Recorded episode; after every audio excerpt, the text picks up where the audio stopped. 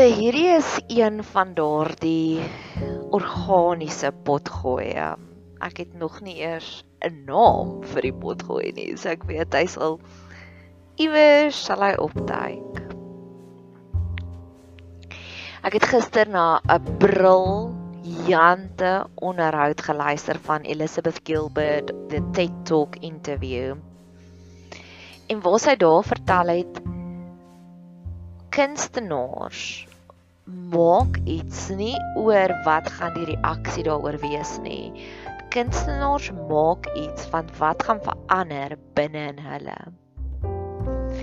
Wat as hy vertel skryf 'n boek en dit gaan nie oor of word die boek gepubliseer nie, dit gaan oor wat verander binne in jou? Wat leer jy van jouself? En ek sê aha, want dis een van my gunsteling lesse wat ek vir almal gee is om te sê ek gaan nie li meer lief wees vir jou of minder lief wees vir jou as jy my grootste groepie is, al my potgoeie gaan luister, my grootste cheerleader is en alles wat ek op Instagram post gaan like en dit share en so aan nie. Ek raak nie meer of minder liewer vir jou nie want ek doen hierdie vir myself. Dis my life hacks om 'n meer vervulde lewe te lewe. Dit is die manier hoe ek my siel skoon was. En David se dare is dit ek ook al gesê hy's 'n skrywer en ek het sy sy dokumentêre gekyk van op masterclass van leer om te skryf en hy vertel ook daar's 'n storie, daar's 'n oomblik wanneer jou lewe soos 'n storie voel. En ek het 3 van sulke oomblikke in hierdie week gehad en dit is nou week, ek hou daarvan om die weke te tel. Week 32 van die jaar 2021. En ek weet wanneer jou dalk is 3 titel. Die oomblik wanneer jou lewe soos 'n storie voel. Dis in daardie oomblikke wat ek wil waalwyd wakker wees. Ek glo dis wat Jakob besef het op sy reis na sy oom toe wat hy besef het God is hier. God is in this place. Dis Bethel. Dit is waar God is. Dat daar kom iets, daar soos wow, nou moet ek aandag gee. Nou moet ek regtig waar mooi oplet in die klas. En ek sien nog glad net die link tussen hierdie drie stories nie. Maar ek wil begin by die eerste een.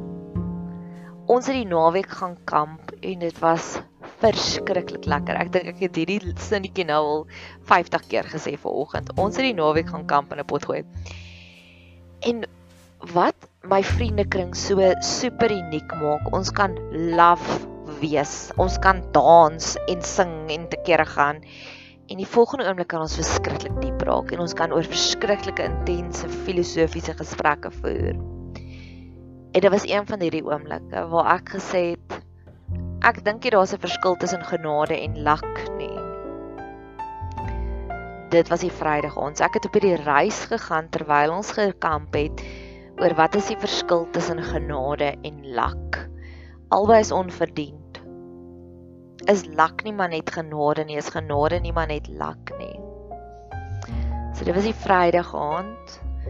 Die Saterdagoggend het ons het ek wakker geword en ek het gebid, Here, as ek verkeerd is, is in die ge, die is genade eh, is genade lak of is lak net genade? Wys my. En die Here wat daar was Bethel. Die Here het opgedaag. Ons het in Dinokeng gaan kamp. Nou Dinokeng uh, uh, dis nog die die kleuter van 'n wildtuin. Hy moet nog baie ver groei voordat ons dit regtig erge wildtuin kan noem. Net Dino King Natuurreservaat, daar is 'n ou bokkietjie daar. Ek het gespot en gesê ons het op 'n 4 ure lange game drive gegaan. Ons het twee zebras gesien. Maar natuurlik het dit nie gegaan oor die wild wat ons sien nie. Dit het gegaan oor die kameraadskap, oor die lekker geselsies wat ons gehad het agter op die bakkie. So net om vir die konteks te skep, jy gaan nie Dinokeng toe net om wil te kyk nie. Jy moet vir ander redes ook gaan. As daar 'n wil daar is, is dit 'n bonus. En in die week het ek 'n potgooi geluister van Rob Bell verlede week wat hy gesê het jy skei 'n negatiewe energie uit. Die oomblik wanneer jy iets te hard wil hê, wanneer jy te desperaat is vir dit, dan skrik jy dit af en dit is 'n tema wat ek oor en oor en oor kry in my lewe. Die oomblik wanneer ek ophou soek vir iets, dan vind ek dit. So ek verstaan daardie geestelike konsep van jy moet surrender, jy moet dit oorgee aan die Here. Ek verstaan daardie jy skei 'n negatiewe energie uit as jy iets te erg wil hê. En ons het Sondagmiddag het ons teruggery deur die kleuterskool Wildtuin. En ons het al die agterste klein bospaadjies gevat net met die hoofdoel ons wil so kort as moontlik op Malotto wees want Malotto is maar 'n bietjie gevaarlike pad. En ons het in hierdie proses ons 3 keer verdwaal En almal was net so rustig in die kar en was so lekker vibe en ons het gery en gesels oor ek het daai een se storie gehoor. Ja, daai een is dan maar oulik, nee, daai een is 'n entertainer. Ons het nie gesoek vir wild nie. En ons het drie keer verdwaal. So dit was 'n gelak of 'n gelak, 'n genade of 'n lak oomblik. Die oomblik toe ons sien maar daar lyk like dit in die verte asof bobbejane veg in die pad. En hoe nader ons ry, besef ons dis nie bobbejane nie, want dit was sterk skemer. So jy het amper net die silhouette gesien. Toe sit 'n mamma en drie tiener welpie jagluiperds. Hulle was teen aan ons, teen aan die pad. Die drie tieners het so lekker met mekaar gespeel in die bos en dan spring die een in die boom en dan spring die ander een in die boom en dan moet die ander een uitspring. Ons het die mooiste video's gemaak. En dit was so onverwags. Terwyl ons terugry sê my vriendin se man se ontweek gery het Nadia, jy was nou ons lucky charm en ek sê, oh, "Dankie." En hy sê, "Ek kan verstaan dat die mense met jou verskil oor wat is die verskil tussen genade en lak." Hy sê want lak klink goedkoop. Genade is diep. Dit was betal. Dis daai betal oomblik.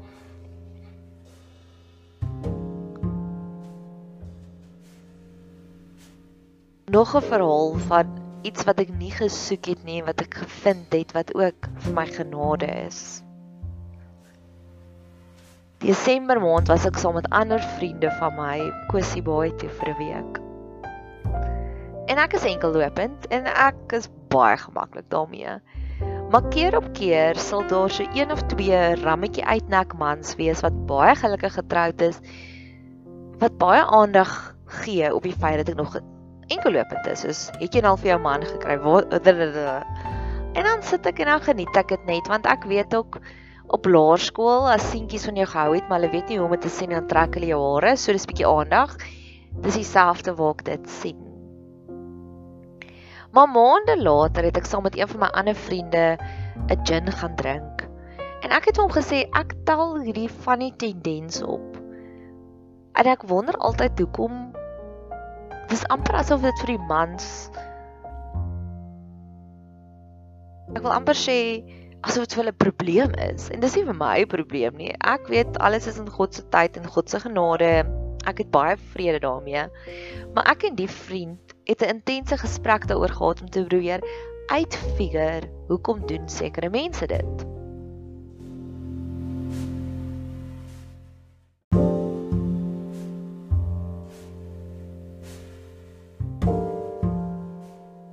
die naweek met die kamp naweek, maar natuurlik was dit dit was een van daai vraagtekens en dit is hoe geloof vir my werk. Waar twee of meer bymekaar is, daar is God by ons. So God het my vrae gesien wat ek omtrent in April maand geuiter het vir my vriend. En nou in Augustus kom beantwoord God dit. So dis 'n nuwe groep vriende, ander groep vriende. En daar's weer die een rammetjie uitnek wat die hele tyd kommentaar oor my huwelikstatus lewer. En weer eens, dit was nie vir my sleg nie, was nie vir my lekker nie. Ek gee geen energie daaraan nie. Of dit was eintlik vir my lekker, dis maar 'n bietjie aandag en ek hou van aandag. 2 dae later na die kamp stuur hierdie man vir my 'n boodskap en hy sê vir my Ek het so 'n bietjie jou siel uitgetrek. Ek hoop dit was vir jou sleg nie, maar onthou net as ek jou oninteressant gevind het, sou ek nie jou siel so uitgetrek het nie.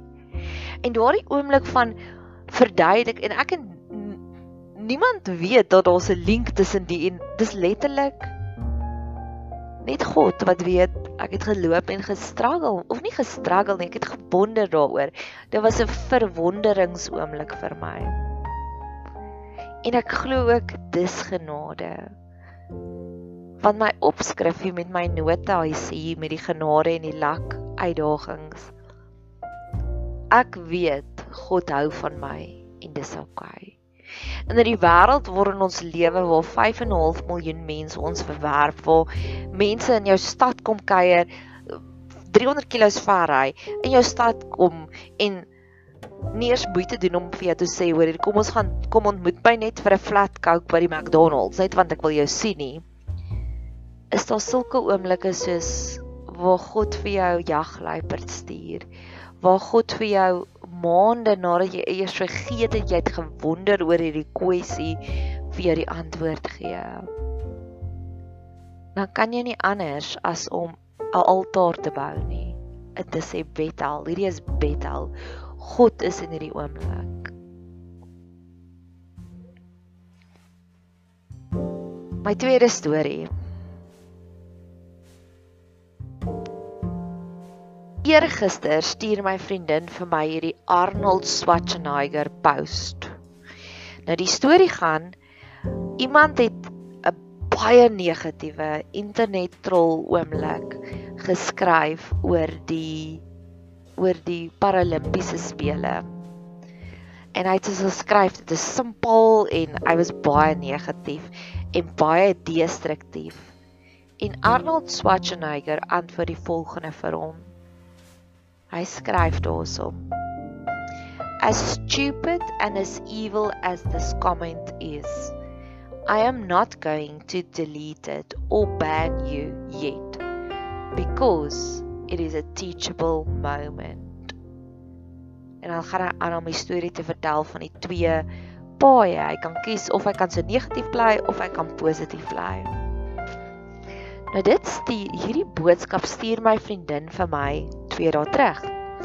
En ek geniet dit so intens dat elke keer wanneer daar iets amazing gebeur het met Jesus, sal dit in die Bybel staan en Maria, sy ma, het al hierdie goed in haar hart bewaar. En ons ek voel my brein werk soos 'n argiewe. So hierdie was een van daai oomblikke wat soos Maria die dinge in haar hart bewaar het, so het ek hierdie oomblik, hierdie mooie boodskap, hierdie iemand sê iets baie negatief en baie destruktief en baie krities en lelik en evil. En Arnold Schwarzenegger kom met sy wysheid en hy sê, "Goed. Hierdie is 'n oomblik waar ek jou iets kan leer." En ek onthou hierdie oomblik. Die volgende dag, net daarna, is daar iemand wat my in wat my effens verwerp het, ingedoen het wat nie mooi was met my nie. En in daai oomblik is dit dadelik asof ek besef, goed Nadia, jy kan of want dit is 'n familie issue en ons familie praat nie oor dinge nie. Ons is stoere boere en alles gaan altyd goed. En ek sê, goed. Hierdie is nou 'n Arnold Schwarzenegger oomblik. En ek kan hierdie oomblik nou omdraai in 'n teachable moment. En dadelik is dit nie meer 'n krisis nie, dis nie meer sleg nie, dis 'n verwonderingsoomblik.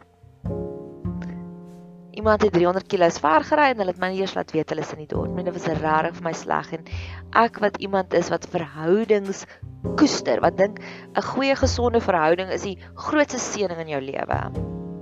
Was dit baie sleg vir my.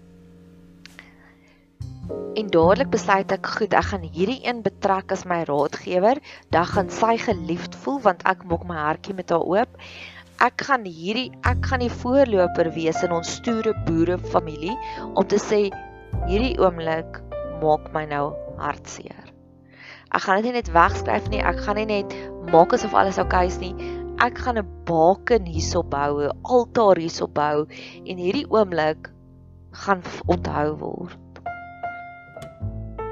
En in daardie oomblik toe ek besluit het en ek het dit publiek op ons oop op ons familiegroepie gesit. Ek probeer baie keer baie anoniem te bly maar okay, daai was amper 'n voetfout.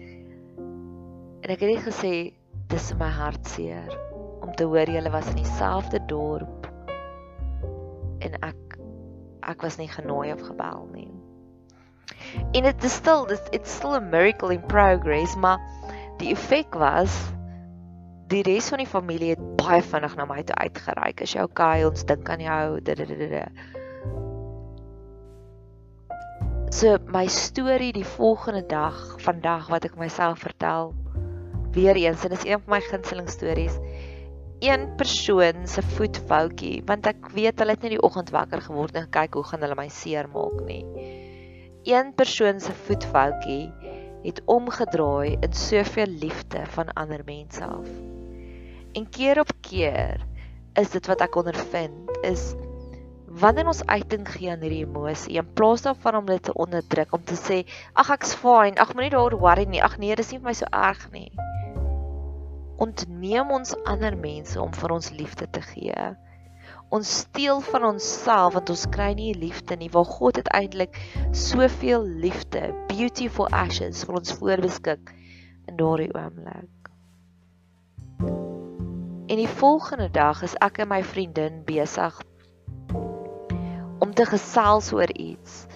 En sy stuur vir my vir oggend sy bly in um sy bly in Nieu-Seeland. So dit die boodskap het letterlik vir oggend 3 uur ingekom. So sy is totaal en al onbewus van dit wat tans nou hier in my familie gebeur het want ons praat oor iets anders en sy sê vir my Hier sit die pragtige quote van Moeder Teresa en sy sê die quote sê people are often unreasonable and self-centered. Forgive them anyway. If you are kind people may accuse you of alternative motives. Be kind anyway. As dit al hierdie soos as dit gebeur wees net nice wees net nice. Dan eindig hy af en dit was my you see In the final analysis, it is between you and your God. It was never between you and them anyway. En dit voel weer eens vir my, jou lewe voel soos 'n storie. God is in hierdie plek Bethel. Want op die ou ende van die dag gaan dit nie oor die ander persoon nie, dit gaan oor ons. Dit gaan oor ons wat daai besluit maak in hierdie oomblik, gaan ek verwerp voel of gaan ek die teachable oomblik hê? Gaan ek die leier wees? Want dit was verlede week ook wat ek besef het, dis juis in ons traumas, dis juis in ons mislukkings, dis juis dan wanneer ons ander mense se lewens aanraak.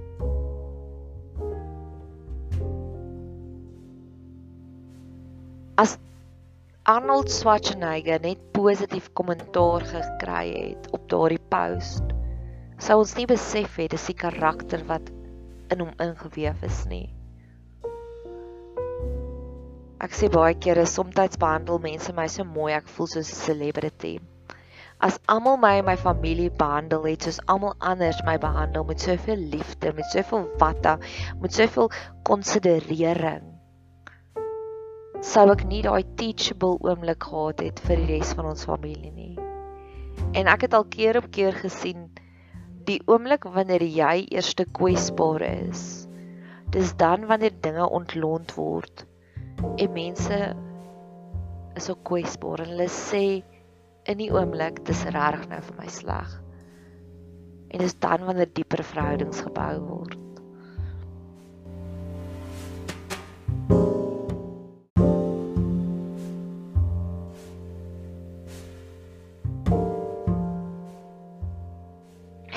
Ek het eintlik gedink ek gaan al drie stories vertel, maar ek gaan dit dan probeer aframmel.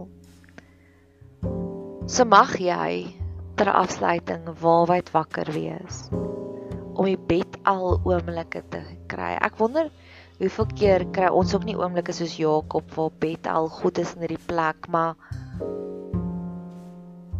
the world just spins madly on en ons sien dit nie raak nie. Ek is dankbaar vir my genade en my luck storie en hoe God my antwoorde kom gee het.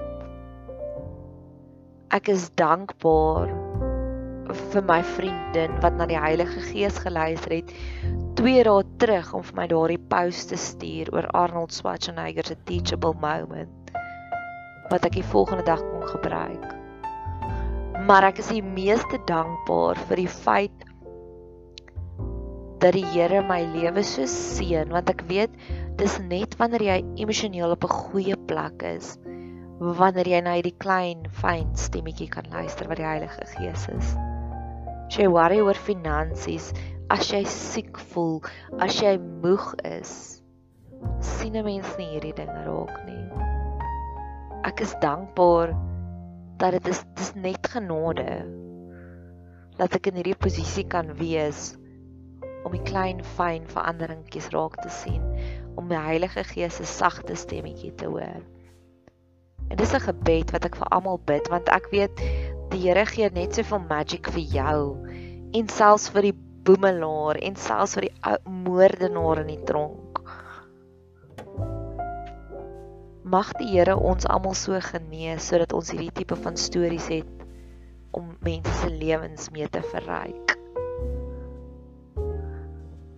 Dis al 'n gebed wat ek al vir jare het en ek het nou weer oor die naweek het ek Devil's Dorp gekyk oor die Kreersdorp moorde wat ek bid. Here kan nou nie net 'n Netflix wees vol goeie geestelike stories nie. So ja, die oomblik wanneer jou lewe is 'n storie vol, dan weet jy jy's nou by Bethel. God is in hierdie plek.